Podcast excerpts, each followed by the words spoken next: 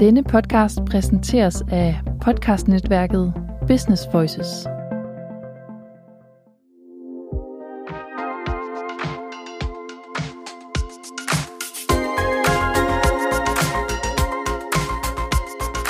Hej med dig, kære lytter, og rigtig hjertelig velkommen til Traction. Traction er podcasten, der gør iværksættersucces let og håndgribelig. Her gør vi op med myten om, at alle iværksættersucceser starter med en god eller måske endda genial idé. For det er langt fra sandheden. En god idé kan starte iværksætterdrømmen, men drømme giver dig hverken vækst eller kunder. Det første skridt på vejen til succes er først taget den dag, du lander din første kunde. Og sidder du nu, kære lytter, og tænker, jamen, hvordan gør jeg det? Eller, hvordan kan jeg blive bedre til at få kunder? Så har du havnet det helt rigtige sted. Traction er en podcast, som lærer dig de livsnødvendige salg- og marketingtaktikker, når du er iværksætter. I Traction taler jeg med nogle af landets allerdygtigste iværksættere, som har formået at skabe en startup-succes fra nul. Jeg fører dem helt tilbage til begyndelsen, hvor marketingkassen var gabende tom. Ingen kendte til dem, og de selv kunne blive i tvivl om, deres produkt overhovedet havde gang på jord. Vi taler altså om, hvordan de kom i gang, og så koger vi alle deres vigtigste erfaringer ned til en bouillon-terning af konkrete råd og strategier, der skal give dig kunder i forretningen og gang i væksten. Jeg er din vært, Bjørn Vestergaard, og jeg er så glad for, at du lytter med. Før vi tager hul på guldkornene, skal jeg dog lige nævne for dig, kære lytter, at du også kan blive en del af fællesskabet og få flere gode råd og strategier til at vækste din virksomhed på Tractions Instagram. Så følg os derinde, og lad os så komme i gang med podcasten. Jamen, uh, hej med dig, Louise. Hvor er det dejligt at se dig igen. Jamen, i lige måde. Det, øh, jeg, tænker, jeg, tænker, jeg tænker med stor glæde tilbage til vores øh, fantastiske snak øh, sidste år i rollemodellerne med, øh, med en masse gode learning, learnings, men øh, særligt også meget, øh, jeg kan huske en god røverhistorie om noget med 10.000 kroner, der var glemt i en skraldespand og whatnot, så... Øh, det er rigtigt, men kan det ikke passe, det er cirka et år siden, vi snakkede sammen sidst? Var det ikke lige før jul Det er det faktisk. Ja. Jo, nær, nærmest på dagen, tror jeg. Det er, det er meget tæt på i hvert fald. Så øh, det, det, det, er, det, det, det gode er, at, øh, at, at tiden går stærkt, øh, og det gør det jo heldigvis, fordi vi laver fede ting som podcast her. Så jeg har glædet mig rigtig meget til at så se dig igen, ja. selvom det er på et kald den her gang. Så uh, i dag er det jo lidt mere salg og marketing, vi skal snakke om, men det ved jeg, det har du en djævelens masse learnings og en masse gode erfaringer om, som vi kan dele. Ja. Så øh, det vil jeg glæde mig til at tage med på, øh, på lytterne med på rejsen, og forhåbentlig få en masse gode taktikker og konkrete strategier til, der kan hjælpe dem med at, at få kunder og markedsføre deres, øh, deres startup. Er det, ikke, er det ikke det, vi skal lade, være overlæggeren for dagens snak? Jamen, det lyder altid. Super. Fantastisk. Louise, kan du ikke bare lige for lytterne, bare lige sætte øh, et par linjer på, hvem er det, du er, og øh, hvad er det for en startup, du lykkedes med, om, om man så må sige? Jamen, jeg stiftede min første virksomhed tilbage i 2006. Det var Clio, sammen med to øh, mandlige co-founders. Vi lavede digitale læremidler til folkeskolen, eller grundskolen, også til private skoler. Øhm, det var en hjemmeside, der var låst bag en betalingsmur, og så solgte vi abonnementer på et, tre eller fem år og inde bag den her betalingsmur, der var der alt, hvad læreren og eleven skulle bruge i deres undervisning. Øh, det var artikler, det var opgaver, det var aktiviteter, det var lyd, film, øh, hjælp til ordblinde, så de bedre kunne læse teksten osv. Så, så, og prøver var der også, ja. Det var, det var den korte beskrivelse, og det er, det er super fint, uh, Louise, fordi at, uh, jeg tænker, at vi kommer også meget mere rundt omkring, hvad, hvad der lykkedes med Clio, hvordan I fik fat i kunderne, og, uh, og, og, og hvad det var, der var ført jer på jeres vækstrejse, om, om, man, som, om man så må sige. Ja. Um, Louise, første spørgsmål, som jeg altid synes er lidt interessant at starte med, det er det her med, øh, man kan sige, I fik jo ideen til, at der ville ske en eller anden form for digitalisering af læremidler, øh, hvor at øh, I kunne se, der var ligesom et hul i markedet, der var at gå efter, hvis man skal bruge sådan en rigtig CBS-terminologi. Mm-hmm. Øhm, omvendt set, så kan man også sige, at hvis jeg husker rigtigt, så var I også, det var stadigvæk noget, I gjorde i forbindelse med, at I var i gang med jeres, øh, at afslutte jeres studier og så videre, så I var også grønne øhm, og, og unge mennesker. Og øhm, jeg kunne godt tænke mig at spørge, Louise, fordi at min forståelse er, og correct me, hvis det er, hvis det er forholdt sig anderledes, men det var også, at de mennesker, som faktisk var dem, I skulle have til at nikke og sige ja til, at sige ja til Clio og til det produkt, I gerne vil sælge, de var meget anderledes end jer, fordi det var folkeskolelærer, og det var folk, der sad med, lad os sige, beslutningskraft på en folkeskole. Hvad var det for nogle tanker og learnings, I gjorde på det der med at så skulle komme ud til egentlig en, man kan sige, en, en, en potentiel kundegruppe, som ikke måske nødvendigvis øh, lignede jer så meget, som, som man måske kunne, kunne ønske? Jamen, vi havde øh, haft studiejobs øh, mig selv i øh, det Berlingske hus, hvor jeg tog imod, når avisen ikke var modtaget, og så skulle, hvis de ville sige op, så skulle jeg gerne holde fast på dem, og endda måske give dem en længere, et længere abonnement. Og det var jo privatpersoner. Øh, nu vil vi jo ringe ud til skoler, som havde helt andre regler. Øh, der var flere, der skulle være inde over beslutningen.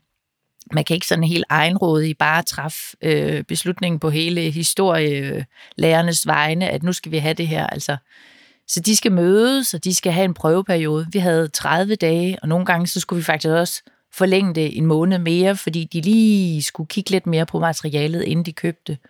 Så det er en meget lang proces, modsat at sælge til privatpersoner, som tager lidt mere hurtigere beslutninger.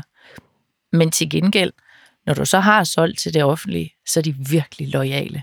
Der skal meget til, inden mm. de skifter igen. Så, så hvis du kan stå distancen og tage den der lange dialog med at få lukket en del, så synes jeg faktisk, det er det hele værd og det er jo igen, det er jo også, altså det er jo det, du egentlig bygger en profitabel øh, startup på, er jo netop også at have de kunder, som er lojale, og som bliver ved med at så være glad for det produkt, du har. Så på den måde kan man sige, det har måske været en udfordring, når I har skulle skubbe det i gang, men det har også været en fordel for jer, når det så er lykkedes, netop fordi, at I ved også godt, at det er måske ikke en, en virksomhed, der allerede efter et halvt år eller et helt år sådan begynder at kigge efter, efter den nye leverandør, fordi nu har man et produkt, man faktisk stoler på. Men også, altså, selvom det var, lad os sige, vi solgte et treårsabonnement, så, øh, så var aftalen, at man solgte, eller man sendte en faktura årligt i stedet for. Så det var ikke sådan øh, det fulde beløb, man skulle betale upfront. Så det var jo også, øh, hvad kan man sige, sikre penge i dit budget, at år to og år tre øh, ville komme ind. Øh, så havde vi sådan nogle mekanismer, der kunne se sådan, i hvor høj grad blev vores produkt brugt, Øh, og de skoler, der havde købt abonnement, som ikke kom godt i gang, jamen dem ringede vi jo selvfølgelig til at introducere noget øh, implementeringskursus, fordi vi vidste jo godt, hvis de ikke øh, brugte produktet, så ville de jo ikke gentegne. Så det er jo ikke ligesom det, du ser ned med fitnessabonnementer. Vi bliver nødt til at mm. sørge for at have glade øh, kunder, sådan så de, de gentegner. Det er sådan, at 98 skoler, eller 98 kommuner her i Danmark, har forskellige øh, tilgangsvinkler med, hvordan de øh, fordeler pengene. Nogle kommuner køber ind centralt, andre kommuner øh, deler pengene ud til, til de enkelte skoler, sådan så det er skolelederen, der træffer beslutning. Og så er der en, øh, kommuner igen, som så giver de forskellige fagudvalg, altså historielærerne, dansklærerne osv., hver deres budget. Og de skoler, det var jo det var jo flere opkald, man skulle lave, når det var meget decentralt. Omvendt, når det var en decentral beslutning, så var de endnu mere glade for at bruge Cleo, fordi lærerne selv havde valgt, at de skulle have Cleo frem, for det var noget, der ligesom blev stoppet ned i halsen og opfra. Ikke? Så det var sådan, 98 steder skulle du identificere, øh, hvordan deres spilleregler var, så det tog lidt tid. Prøv at fortælle om det, Louise, fordi at det, det er jo egentlig meget interessant, for jeg tænker, det er ikke viden, jeg har haft, da I startede med Clio. Sådan, øh, var det, øh, hvordan, hvordan fik I ligesom skudt jer ind på, hvordan I sådan skulle tilgå det her med, at der egentlig var forskellige mennesker, der skulle træffe beslutninger, men også forskellige processer omkring, hvordan man gjorde det. Hvad var jeres sådan eksplorative øh, approach til det, hvis man, hvis man kan stille det spørgsmål? Vi startede med at ringe til skolelederne øh, og få fat i dem. Øh, og så var det så, altså nu startede vi med faget historie. Øh, der er sådan en årbog, eller du kan få oplysningerne på, øh, på skolebibliotekaren og, og skolelederen og sådan noget. Øh, det ligger offentligt tilgængeligt. Og det var ligesom dem, vi ringede til i første hug, og sørgede for at ringe i deres frokostpause, så de ikke var ude at undervise. Så det var sådan, altså vi fik lige så stille opbygget den her viden i de forskellige kommuner, og havde vi selvfølgelig et system, hvor vi ligesom skrev det ind i. Ja, så det var bare ved at gribe telefonen og begynde at ringe ud og begynde at undersøge, hvad der skulle til, ikke? Det, det, det vil jeg sige, det er nok også, nu har jeg lavet en del af de her Traction øh, podcast efterhånden, og det er i hvert fald et gennemgående tema, øh, at netop det der med, at øh, ofte så er det at gribe den der øh, telefon, selvom det kan være svært, og øh, at få snakket med nogle mennesker og få, få sat gang i det. Jeg synes også, øh, Louise, jeg synes også, jeg husker, jeg må ærligt indrømme, jeg kan ikke huske, om det var noget, vi snakkede om i vores snak, i rollemodellerne, om det var i researchen til, til den snak, at jeg hørte dig snakke lidt om det her med at finde nogle champions eller ambassadører, eller kald det, hvad du vil. Kan du ikke prøve at sætte et par ord på det der med, det virkede også til, at en vigtig øh, ingrediens i jeres succes med at ligesom komme det ud, var også at finde dem, der troede på jer, finde de rigtige, dem, som gerne vil, øh, vil jer, og kunne se, at det, I egentlig kom med, var noget, som der var behov for. Vi er straks tilbage efter denne korte pause i Traction, så vi kan høre fra vores sponsorer, som hjælper med at holde hånden under den her podcast.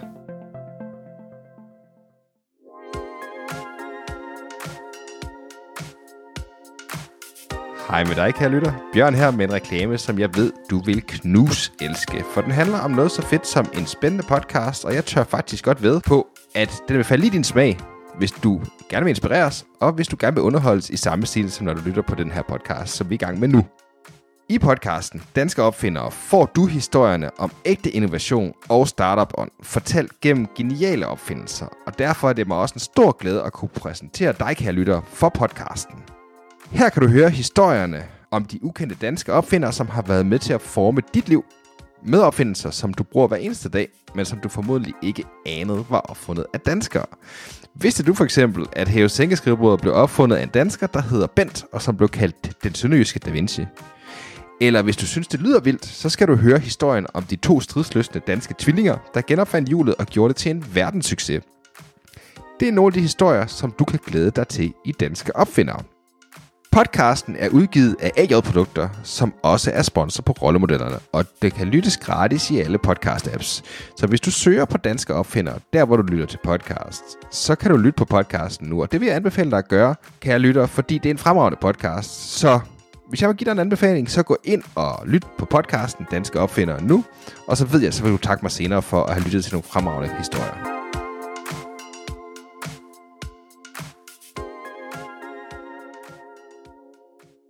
Kan du ikke prøve at sætte et par ord på det der med, det virkede også til, at en vigtig øh, ingrediens i jeres succes med at ligesom komme det ud, var også at finde dem, der troede på jer, finde de rigtige, dem, som gerne vil, øh, vil jer, og kunne se, at det, I egentlig kom med, var noget, som der var behov for? Jamen, vi startede første omgang med at ringe til vores øh, egne historielærer på vores gamle skoler, og, øh, og især Janus' gamle historielærer hjalp os utrolig meget. Øh, men når vi ligesom, jeg kan huske en gang, der var vi ude at præsentere i Ballerup Kommune, hvor kommunekonsulenten havde inviteret skolerne i kommunen ind til at høre vores præsentation. Og allerede sådan 10 minutter hen i præsentationen, der rejser han sig op og siger, jeg køber det til hele kommunen. Og lærerne var jo glade, fordi så var det hans budget, ikke? Øh, men, men, og så begynder han at ringe rundt til nabokommunerne, så vi blev ret hurtigt stærke på Vestegnen faktisk. Øh, der var stor interesse. Men øh, ja, hvad andre historier, det kan være, at øh, på et tidspunkt, så skulle vi jo, vi ville jo gerne ud og præsentere. Øh, og øh, jeg tror, det var i Randers eller sådan noget, så havde vi dobbeltbooket os, og vi kunne ikke sende folk afsted. Så gik vi ind og undersøgte, hvad for en lærer bruger os allermest. Det var så en naturfag, vi skulle have en præsentation i. Og det var Martin Thomsen fra Silkeborg, en lærer. Så ringede vi til ham og spurgte, om han ikke kunne, øh, kunne hjælpe os. Øhm, og det endte med, jamen, han er fastansat i dag, og er også kommet med over i øh, Alinia, efter de købte Clio. Øh, så det var sådan en, at gå ind og se på listen, sådan, hvem af dine kunder bruger dig allermest? Fordi de er nogle virkelig stærke ambassadører, ikke? Det er også øh, jamen, det er en fed historie. Det er der bare også det der med at tursætte dem i spil. Altså det der med at så egentlig prøve at nedbryde barrieren. Det er jo også altså, det er jo noget af det, som når jeg ser startup lykkedes, så er det jo ofte også faktisk fordi, at man, man, man hvert fald tager kunder med på rejsen, og man giver dem mulighed for at være med til at gøre det produkt, du har bedre. Og det er vel også lidt det, der har været tilfældet ved Clio? Jo, jo, jo. Eller, eller altså brugerdreven innovation er noget, vi har brugt hele vejen igennem. Både med ja, fokusinterviews, men også via, at fordi vi var digitale, så var, kunne vi være meget datadrevet omkring, hvordan øh, vores produkter blev anvendt og så videre, og hvad vi sådan skulle sende, altså lave mere af. Men jeg synes først og fremmest det der med, at, at have en kunde, det er dem, der kender din... Øh, din øh, elevator pitch, ikke? Øh, hvad er det, du bidrager med som virksomhed? Meget bedre end nogen andre. Så jeg synes, det vigtigste, det er altså fokus på kunden og, og invitere dem ind. Og hvordan, prøv lige, prøv lige at sætte et par ord på, Louise, hvordan det fungerer, fordi det, jeg synes er lidt spændende omkring jeres case, kan man sige, det er, altså, vi har, vi har begge to gået i folkeskolen, og ligesom alle andre danskere mere eller mindre også har. Øhm, så vi ved også godt, at, at der er, øh, læreren, læreren beder dig om at gøre noget, det er ikke nødvendigvis ens betydende med, at du, du gør det. Det er selvfølgelig ikke for os, men for andre. øhm, men der er også det der med, fordi man kan sige, at for jer, ja, læreren er vel brugeren af det, men I har jo også nogle, et sekundær base af dem, som rent faktisk eleverne, mm-hmm. som også skulle bruge jeres produkt. Hvordan sikrede I, eller hvad var jeres, sådan, jeres learnings i forhold til det der med egentlig at så skulle, altså dybest set have to øh, stakeholders, som I skulle passe på, eller skulle I skulle udvikle produktet til? Vi havde faktisk tre. Fordi på forsiden, der gjorde vi meget ud af øh, sådan nogle kvantitative ting, at vi har så og så mange artikler, fordi på forsiden, det er der, hvor skolelederen, ham der skal købe, eller fagudvalget skal købe, ligesom får et førstehåndsindtryk. Og der skal det gerne se tydeligt ud, at du får noget for pengene her. Øh, selve indholdet i portalen, det var jo til eleverne. Så det skulle være sådan lidt mere kægt sprog, og inde i lærervejledningen og alle prøverne og sådan noget, det var jo så til læreren, til faglæreren, øh, og det er et helt andet sprog. Så der var sådan, det var flere niveauer, øh, også når vi skulle kommunikere øh, i forhold til marketing, ikke? Er det brugerne, altså lærerne, eller er det ham med pengene, øh, vi skal kommunikere til? Det var sådan lidt paranoid nogle gange, faktisk. det, er, det, det, det, kan jeg sagtens, øh, det kan jeg sagtens se. Øh, det er, også, det er jo mange forskellige interessenter, som vi også har været lidt inde på, så handler det jo også i høj grad netop om, at du har øhm, nogle forskellige, du skal tale til på, på forskellige tidspunkter, og du har nogle beslutningsprocesser, der kan være lange. Louise, et spørgsmål, som jeg synes måske er meget relevant at stille, øh, inden vi sådan måske hopper lidt videre til det, det var også, øhm, man kan sige, jeres, jeres correct me if I'm wrong, men jeres store promise, det var vel egentlig også dybest set, at I digitaliserede det, der lå i forvejen. Altså, så I, I, I tog de her læremidler og gjorde digitale. Da I gik i gang med at sælge det tidligt, fordi det, som jeg har været tilfældet i en del af de andre snakke, jeg har haft, og som jeg også selv har erfaret, det er, at når du, altså, når du bygger teknologi, og du bygger en startup, der skal løse problem baseret på teknologi, så er, starter du ofte et sted, hvor at man kan sige, at den store vision for det, du gerne vil, det ligger noget længere væk. Du er ligesom nødt til at have et produkt at sælge til at starte med, og det kommer nok altid til at være lidt mindre, end du egentlig kunne ønske dig, når du ligesom går ud i markedet og begynder at sælge det. Da I skulle sælge Clio, jeg ved ikke, om det var tilfældet for jer, men da I skulle i gang med at sælge Clio, var det så mest den her store idé, I solgte på, eller hvad, hvordan fandt I ud af, hvad det var for nogle øh, knapper, I skulle trykke på, eller hvad det var for nogle, nu bruger man sådan USP'er, det er sådan en dejlig marketingmæssig udtryk, mm. men du ved, hvad var det egentlig for nogle budskaber, i skulle slå på, for ligesom at så få folk til at købe ind på det produkt, som I, I gerne vil sælge til dem? Jamen, vi nåede jo ikke at blive færdige med vores produkt til deadline op til sommer eller øh, i slutningen af skoleåret 2007. Øh, men vi vidste også, at hvis vi ikke gik i markedet, så øh, gik vi glip af en masse penge, fordi at skoler køber op op til sommerferien og op til nytår. Så vi gik i luften uden øh, besættelsestiden for eksempel. Og det er jo sådan noget, der vil, du i dag vil kalde en minimal viable product. Øhm, vi gik sgu bare i gang øh, og havde en seddel eller et side, der stod kommer snart, og det var der faktisk på rigtig meget af det. Men til gengæld så lovede vi, øh, at vi ville have, have det klart, øh, når skoleåret gik i gang, og øh, på baggrund af det, så fik de så 20% rabat det første år. Og det var der rigtig mange, der bed på.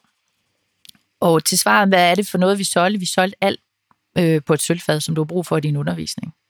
Der er både, øh, hvad hedder det, undervisningsmateriale, men der er også prøver, øh, og vi havde undervisningsforløb, det vil sige øh, med mange af de her, altså vi har været igennem en del øh, skolereformer i de år, vi havde Clio, og en del fælles mål, som, som skulle, lærerne skulle undervise efter. Øh, og øh, lærerne fik jo mindre og mindre forberedelsestid. Så vi skræddersyede deres øh, undervisningsforløb, sådan at de nærmest bare skulle øh, troppe ind øh, og lægge deres hjerne derhjemme. Øh, ej, det er sat på spidsen, men altså, de har jo ikke en skid forberedelsestid, som de havde førhen. Så, så det her, det var en nem hjælp øh, for dem at spare tid. Og det var jo også noget, som var i skoleledernes interesse, at vi både kunne spare tid, men også penge for dem, ikke?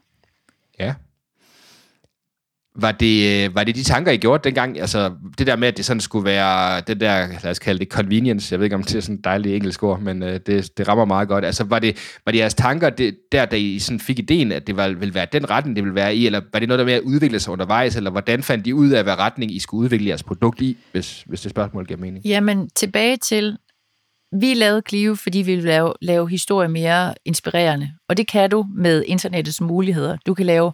Øh, du kan lave det meget mere visuelt, du kan lave øh, sværhedsgraden på teksten forskelligt, du kan lave opgaver, lyd, video. Øh, det var egentlig det, der var vores kongstanke. Men tilbage til det der med, at vi inddrog øh, brugerne og kunderne. Det, de godt kunne lide, det var, at vi serverede alt på et sølvfad og sparede tid. Og vi gjorde det billigere end bøgerne. Og det var altid opdateret med nyeste viden. Når der var jordskæld i Japan, altså lå der med det samme noget undervisningsmateriale klar. Det kan, det kan et bogsystem jo ikke gøre. Øhm, men det var jo ikke en USP, som vi havde for øje, men det var bare det, vores kunder ligesom så os for, ikke? Så tilbage ja. til det der med altid inddrage kunderne, så du ikke sidder i det der tårn og prøver at udvikle selv, ikke?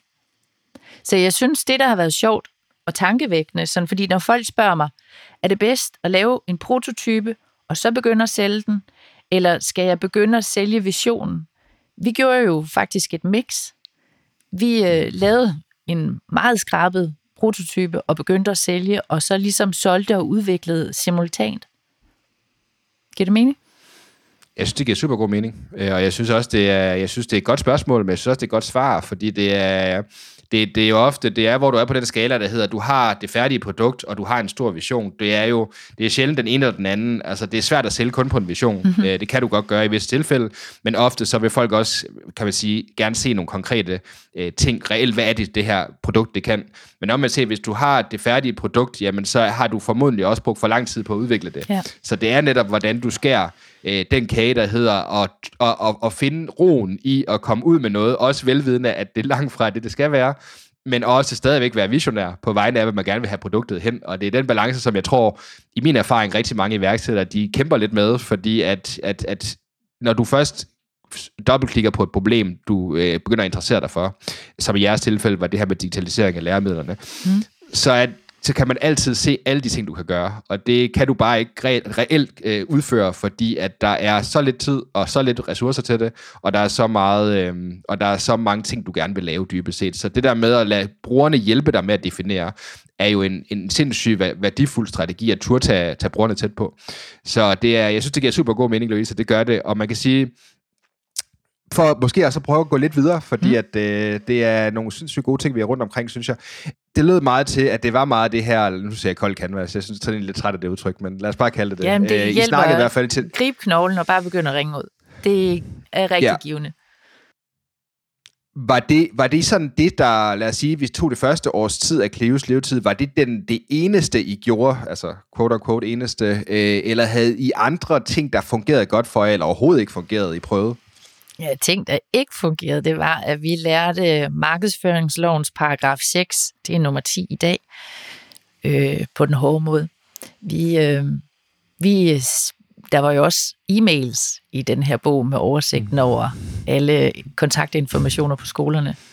Så vi sendte også mails ud, øh, indtil der var en venlig lærer fra Rødovre Kommune, der lige gjorde sig opmærksom på markedsføringsloven paragraf 6, at man må selvfølgelig ikke må sådan noget med mindre, at, øh, at man har signet op til det, ikke? Øh, men det var jo ikke lige noget, vi har lært på historiestudiet. Så øh, det var men altså, som Janus, min co-founder, siger, at man er jo ikke en rigtig iværksætter med mindre, man har overtrådt markedsføringsloven et par gange eller to.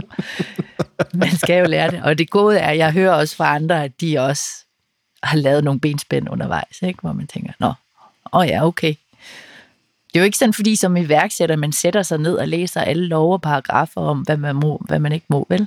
Man finder jo ud af det undervejs. Ja, det er også, altså, jeg tror, det handler, det er jo også, altså, det er jo også, jeg, jeg mener, det var Carsten Madsen, der har det, der hedder Morningscore øh, SEO-værktøj, som jeg også har haft med i podcasten her, og jeg er ret overbevist om, at han, vi også snakker om det der med, at du er altid nødt til, altså det der også er dit privilegie som iværksætter, er også, at du, kan have, du, du har ikke en masse, du skal beskytte i forhold til, så hvis du bevæger dig, lad os sige, lige omkring grænsen for, hvad du, hvad der sådan, hvad du reelt kan, og hvad du ikke kan, så er det nok en del af gamet, øh, og så er det også det der med det, du aldrig kunne gøre, hvis du sad i en anden kontekst, fordi du vil have en stor virksomhed bagved dig, der vil kunne få nogle alvorlige øh, hook for at, at, at gøre tingene øh, lidt øh, anderledes lad os, lad os bruge det udtryk. Så det, Men de vil jo også have folk ansat, som vil vide, at det må man ikke, det der, tænker jeg. Ja. Men ja. noget andet, vi også gjorde, det var jo, vi var jo også på messer. Vores allerførste mm. messe var i Odense, øh, på sådan, ja, jeg tror, vi gav 12.000 for 4 kvadratmeter. Det var altså mange penge, når man var en lille studerende på SU, ikke? Øh, og så lånte vi Janus' fars projekter til at skyde øh, vores portal op på bagvæggen. Og så vi brugt lidt penge på nogle flyers, så så var der ikke flere penge. Så vi tænkte, hvad fanden gør vi så for ligesom at få opmærksom på? Vi havde ikke råd til roll-ups eller noget som helst. Så vi kontaktede Frilandsmuseet og fik lov til at låne nogle historiske dragter og var klædt ud. Mig og Janus som herremand og, og frue, og så det var Janus, der stod for det. Han havde jo så fundet øh, en stalknægt kostyme med øh, træsko og hø til Lasse, så det var en rigtig god ven der, ikke? Øhm, men lærerne synes jo, det var interessant, fordi hvorfor var vi klædt ud? Så selvom vi kun havde 4 kvadratmeter, så havde vi mange besøgende, der ville høre om, hvad søren vi havde at tilbyde. Øh, så det blev en ting, at vi skulle være udklædt i historiske dragter. Og jeg synes, øh, der var nogle øh, sælgere, som havde det. Øh, og andre synes, det var fantastisk, at man ligesom iklædte sig en slags rolle, når man var på messe, at man blev lidt mere ekstrovert, når det var, at man var klædt ud. Øh, og det var jo kun én gang, øh, hvor det var en dum idé. Det var i 2010, hvor vi var lige havde udgivet samfundsfaget, hvor øh, vores sælger Erik var klædt ud som politimand. Han fik ikke ret mange kunder samtale der. Men øh, til gengæld havde han jo så autoritet til at hente den der øh, check på de 10.000 ud på, på badeværelset. Det er sådan en god teaser for, at folk skal gøre det og lytte øh, til vores anden snak også. Det var også fantastisk. Ja. så lad os, lad os ikke gå længere ned i den. Men, øh, men, men generelt, altså det er sådan, det der med messer, det er jo faktisk noget af det, som jeg ved meget lidt om, selvom jeg egentlig har været på en chat af det. Sådan, mm. øh, og man kunne måske forestille sig, altså det er jo en af mine øh, iværksætteridoler, er jo sådan som Richard Branson, og jeg ved jo, han har altid været god til det der med at skabe opmærksomhed på de ting, han laver. Mm. Hvordan har det, altså for jer, det der med, det lyder også lidt til, at det har været det der med, I har været nødt til at jeg hader at bruge ordet tænke ud af boksen, men det er jo det, det er. Altså det der med, I har i hvert fald nødt til at tænke anderledes over, hvordan I kunne tiltrække opmærksomhed, netop fordi I ikke bare kunne lave flyers, og I ikke bare kunne lave roll-ups, og I ikke bare havde de samme muligheder som andre leverandører inden for, bran- inden for branchen. Er det sådan en bevidst strategi, I sådan har, har implementeret i Clio øh, efterfølgende, eller hvordan, hvordan har det været? Jo, men vi har altid sådan i starten øh, prøvet at være kreative, fordi vi ikke havde ret mange penge. For eksempel, øh, når man skal købe billeder til en hjemmeside, det er altså ret dyrt. Øh, mm. Så kontaktede vi forskellige museer, for eksempel Rosenborg Slot, må vi låne øh, billedet af Christian den 4., mod vi linker til hinanden. Og det, sådan var det jo, for at komme op på, øh, på Google-søgninger, så skulle man gerne have mange links til hinanden, så det var ligesom klødt hinandens ryg på den måde. Så det var, ja, nogle gange, altså økonomien gjorde, at vi blev nødt til at tænke anderledes øh, og kreativt, og så, øh, og så virkede det bare, øh, at folk godt kunne lide det, tilfældigvis. Så ja, vi var også heldige, synes jeg. Altså, det, mange af de ting, øh, beslutninger, vi traf, øh, endte med at, at gå rigtig godt. Ja man skal, heller ikke, man skal bestemt heller ikke kæmpe sig at være, være heldig. Øh, jeg har hørt folk, der siger, at de hellere vil være heldige end gode. Det ved jeg ikke, om det, om det forholder sig sådan. Men jeg det synes, det var en kombination. Ikke? Øh, vi, vi foretog også et strategisk valg med, at vi vil at Clio øh, var sådan den frække dreng i klassen. Altså, du havde alt det klassiske undervisning, men du havde del med også alt muligt andet. For eksempel så havde vi øh, på vores vi havde produkt til øh, teknologiforståelse mange år inden, at det overhovedet blev et, øh, øh, kom på tale, at det skulle være et valgfag. Ikke? Så sådan nogle ting, eller i dansk, at man skulle analysere computerspil, det er sgu da ikke noget, som Gyldendal de gør, vel? Mm. Men det er det, børnene interesserer sig for. Jeg synes bare, at vi var rigtig gode til at være i øjenhøjde. Øh, og det var de erfaringer, vi ligesom tog fra vores øh, studiejobs på forskellige museer. Der kunne vi jo se, hvornår øh, og hvilke historier, der ligesom gav ild i øjnene på eleverne. Ikke? Så det var bare mere det. Det var som regel de skæve historier, de synes var fantastiske. Og det er, det er det der med at så være den, den frække dreng, det er jo netop også et, i hvert fald det er en position at tage jo. Det er i hvert fald et standpunkt, at jeg kunne forestille mig, at netop når det kommer til noget, der, der har været så traditionelt, som netop den branche, I var inden for, så har det heller ikke været, altså forstå mig ret, men det har heller ikke været den sværeste position at tage, netop fordi, at de var drevet af store og meget, lad os sige, gamle, i mangel på bedre ord, eh, traditionelle er måske et bedre ord, eh, virksomheder, som har været det i 100 år. 100 procent, men det var også nogle gange svært, når vi rekrutterede. Altså, vores redaktør var som regel øh, skolelærer, og hvis de havde sådan lidt mere, hvad kan man sige, gammeldags traditionelt mindset, så clashede samarbejdet som regel i Clio, ikke? fordi vi netop var anderledes og tænkte ud af boksen, og var meget kommercielle, øh, hvor de var sådan, ah, de vil lige fortsætte noget mere med at pusse nusse, men altså, det sælger vi jo ikke noget på. Altså, vi skal jo ud over stepperne. Øh, så de, øh, de ansættelser holdt som regel ikke så lang tid. Lad os bare sige det sådan. lad, lad, lad os sige det sådan, Louise. Øhm, vi snakkede lidt om, at uh, en, en konkret fejl, som vi i hvert fald kan sende med til videre, det er, med, med til lytterne, det er, at uh, de skal overholde markedsføringsloven. Ja, det er en god så, idé, så at lige læse den. På plads. Ja. det, det plejer at være en god idé. Var der andre ting, I, I gjorde? Nu kan man sige, nu som du siger, der var mange ting, I gjorde, som faktisk lykkedes, og heldigvis for det. Var der nogle andre ting, som I gjorde, der ikke lykkedes, eller ting, som ligesom er nogle learnings, du, hvis du skulle stå og så på den rejse igen, uh, du, vil, du vil tænke over, eller tage med i, din, i dine planer? Vi er straks tilbage efter denne korte pause i Traction, så vi kan høre fra vores sponsorer, som hjælper med at holde hånden under den her podcast.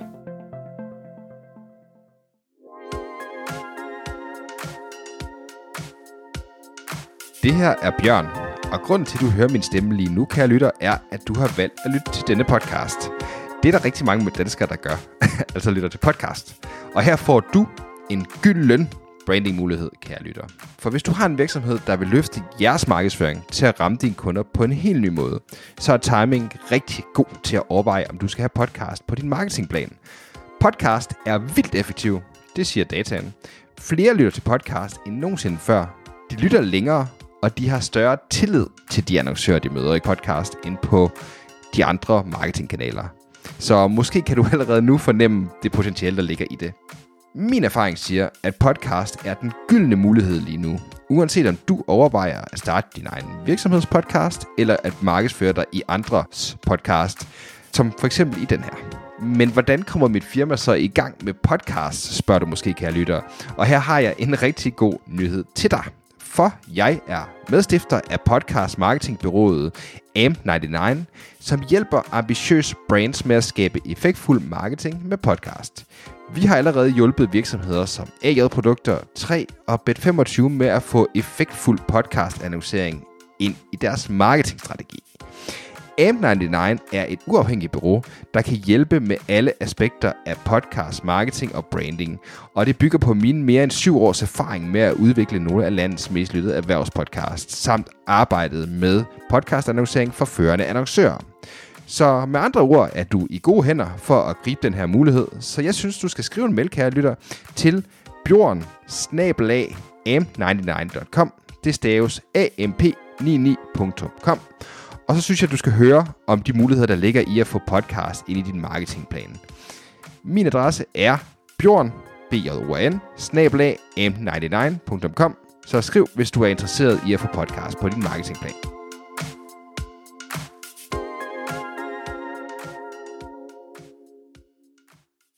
Var der nogle andre ting, som I gjorde, der ikke lykkedes, eller ting, som ligesom er nogle learnings, øh, du, hvis du skulle stå og så på den rejse igen, øh, du, vil, du vil tænke over eller tage med i, din, i dine planer? Jeg synes, øh, vores sælger havde nogle gange en tendens til at sige, det der, det skal vi have, den der feature.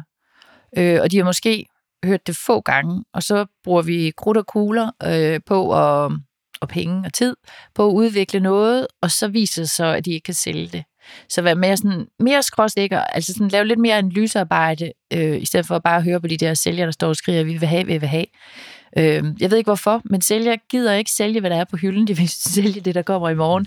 Så lige få dem til at klappe hesten, og så måske sætte en streg, hver gang de har hørt, at nu er den der feature noget, folk vil have. Altså, så, så, så øh, analysere lidt mere sådan, hvad det er, man skal bruge energi på, og i hvilken retning man sådan skal videreudvikle. Øh, ellers kan man godt komme til at udvikle sig selv ihjel, tror jeg.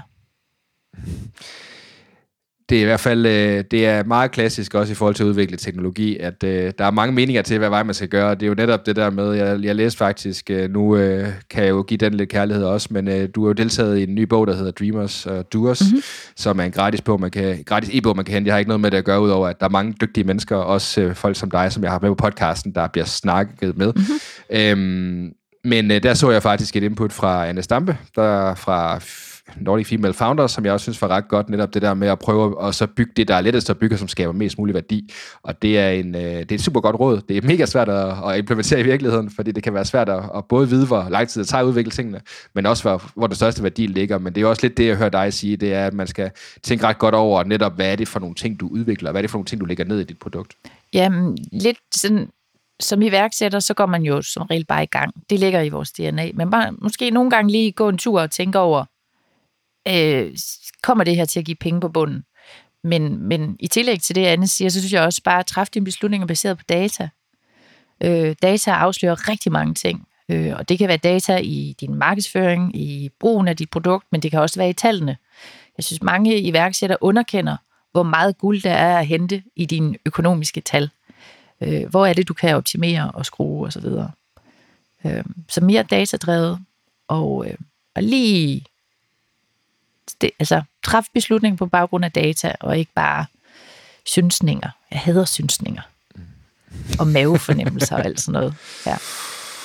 Uh, det er et farligt emne at så bringe på banen her i 11. time, Louise. Hold nu op, det kan man snakke længere om. Det er, jeg er faktisk enig med dig, og så er jeg lidt uenig, men øh, det er en anden snak, fordi at, øh, der er også nogle gange, øh, og det er særligt, når vi kommer til salg og marketing, der er bare nogle gange, hvor at det er, dataen kan ikke hjælpe dig. Der er du nødt til at så gå med, at du har en eller anden form for intuition, og den intuition er bygget på, at du har set en masse ting, og du har prøvet en masse ting. Så det er ikke fordi, det er også data, men det er nok bare ikke helt så, måske så konkret data. Øhm, men omvendt set, så det tror jeg også, man hurtigt det kan blive en lang, øh, langhåret diskussion, om man ikke andet om, hvad, hvordan vi træffer beslutninger i vores marketing. Og det har vi ikke tid til, fordi der er jo øh, reelt set øh, kun øh, lige et øh, par minutter eller fem tilbage. Øhm, så er der andet i forhold til det her med, nu har vi snakket både lidt om, hvordan startede I med at få jeres kunder ind, hvad var det, der fungerede for jer, hvad var det for nogle learnings, I havde der, sådan, Øhm, er der andre ting, øhm, som du tænker er værd at tage med der i den her scene, eller sådan ekstra pointer og så smide på der? Åh, oh, bum, bum, bum, bum. Jamen, det kommer jo meget an på, hvad det er for noget, du ligesom sælger.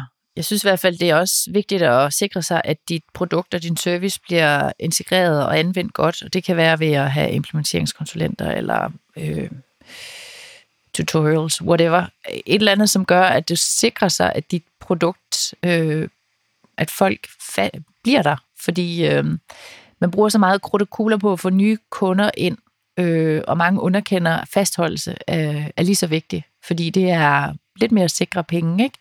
Øh, men, men det kræver også et stykke arbejde.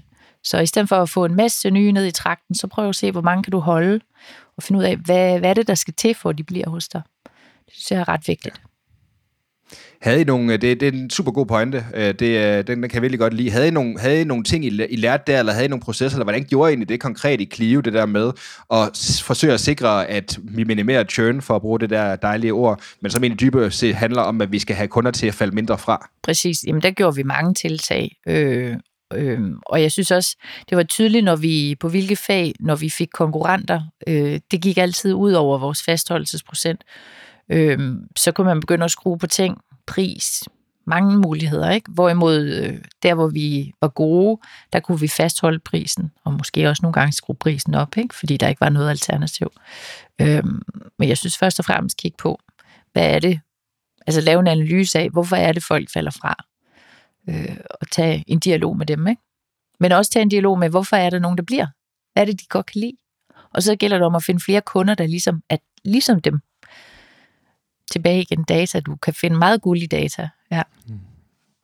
Ja, ja, det må man sige. Det er, det, det er i hvert fald et, øh, et overlægger for, for snakken her, som er rigtig god at tage med videre.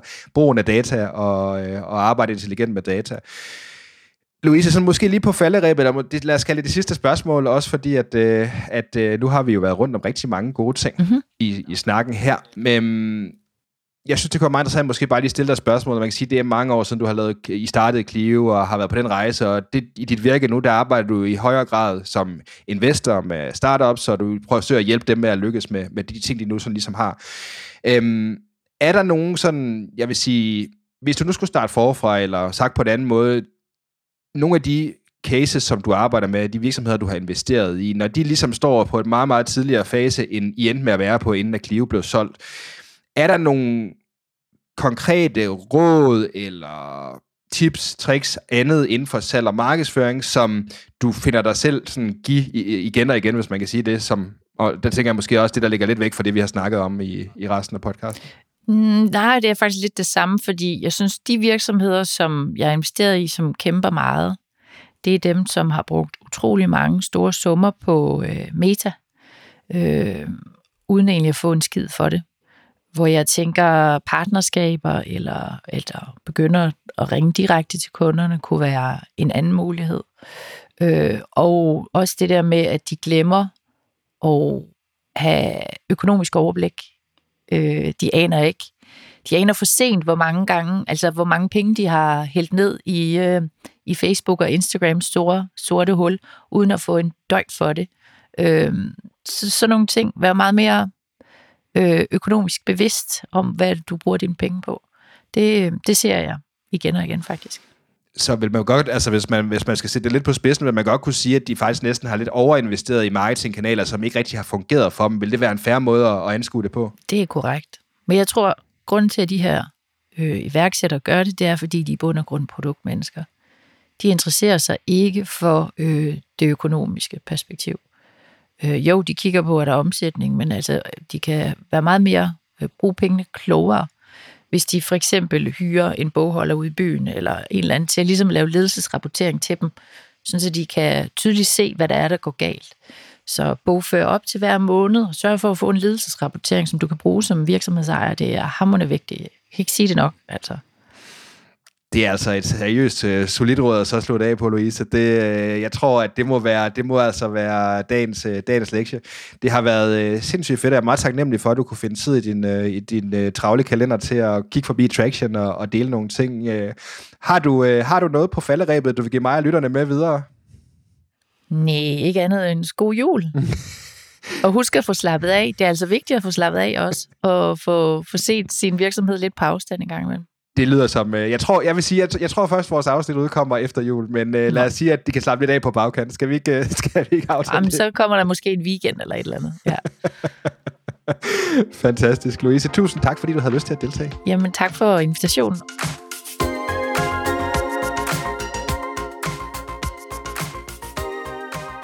Du har lyttet til Traction, en podcast, der er en del af podcastnetværket Business Voices. Din vært og manden bag er Bjørn Vestergaard. Traction er produceret med hjælp fra podcastbyrået Her Her. Du kan finde link og mere information om Traction og Business Voices i episodebeskrivelsen.